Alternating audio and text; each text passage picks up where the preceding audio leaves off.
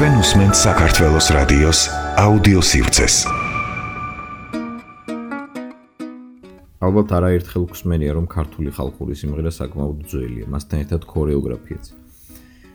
რომ დავფიქრდეთ და ვიცოდეთ, რამდენად ძველია ქართული ხალხური სიმღერა, ამისთვის გარკვეული ისტორიული ასპექტები უნდა მოვიტანო მაგალითებად და გეტყვით რომ როგორც ისტორიკოსი ქსენოფონტე წერს თავის ნაშრომში ანაბაზისი იგი ამბობს რომ ასურეთის მეფე სარგონმა დაიპყრო ურარტუს ერთ-ერთი სამთავრო მანა რომელიც გახლდათ ქართველური მოსტომებით დასახლებული აღფრთოვანებული აღწერს იმ ხალხის მაღალ კულტურას, დიდარ ცხოვრებას და განსაკუთრებით აღნიშნავს, რომ ეს ხალხი შრომის დროს მხიარულ სიმღერებს ასრულებდა.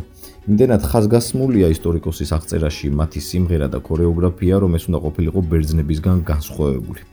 სხვა შემთხვევაში ალბათ ასე არ აღწერდა. გარდა ამისა, კარგად ჩანს, როდესაც ქართველები ემზადებოდნენ საომრად, თუ როგორ იქცეოდნენ. და ესეთი ციტატაა, რომ მას შემდეგ რაც ისინი გამწკრივდნენ, ერთმა მათგანმა დაიწყო, ხოლო სხვა ყველა დანარჩენი მღერით რიტმულად მიაბიჯებდა. ბრძოლის ბოლოს კი თავები მოჭრეს მოკლულებს და განსაკუთრებული ყაიდის ცეკვა სიმღერა დაიწყეს. და აქ სწორედ ქორეოგრაფები ამბობენ, რომ აი ეს კრივად მიაბიჯებდნენ, როდესაც ამბობს ისტორიკოსი ქსენოფონტე, აქ უნდა ვიგულისხმოთ ხორუმი. უნდა ითქვას, რომ ამ დროისთვის ქართული ხალხური სიმღერა მრავალხმიანი იყო თუ არა, ამის შესახებ არ გვაქვს ცნობები და ვერ ვიტყვით, თუმცა მისი განსაკუთრებულობის ერთ-ერთი ასპექტი შეიძლება ყოფილიყო მრავალხმიანობა. ამდენად ჩვენ შეგვიძლია ვთქვათ, რომ ქართული ხალხური სიმღერა ისტორიის თვალსაზრისით საკმაოდ ძველია. იგი მე-7 მე-8 საუკუნეში პირველად აღწერა ისტორიკოსებმა და გარდა ამისა, აქვე წერია და უნდა ითქვას, რომ მანას ტომებს მოყავდათ ყურძენი გახყავდათ არხები და მღეროდნენ მხიარულ სიმღერებს.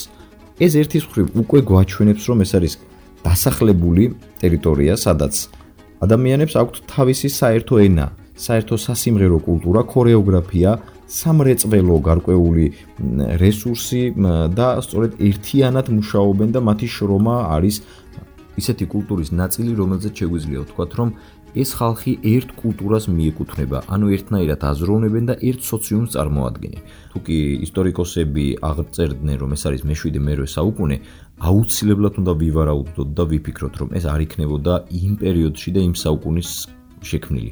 ცხადია, ეს იქნებოდა სულ მცირე 2 საუკუნის წინ შექმნილი კულტურა. ამდენად ჩვენ შეგვიძლია ვთქვათ, რომ ქართული ხალხური სიმღერა და ქორეოგრაფია სულ მცირე ჩვენ წერთ აღრიცხვამდე მე-10 საუკუნეში უნდა დაწყებულიყო, ვინაიდან მოგვიანებით მე-7 მე-8 საუკუნეში ისტორიკოსები აღწერდნენ მათ.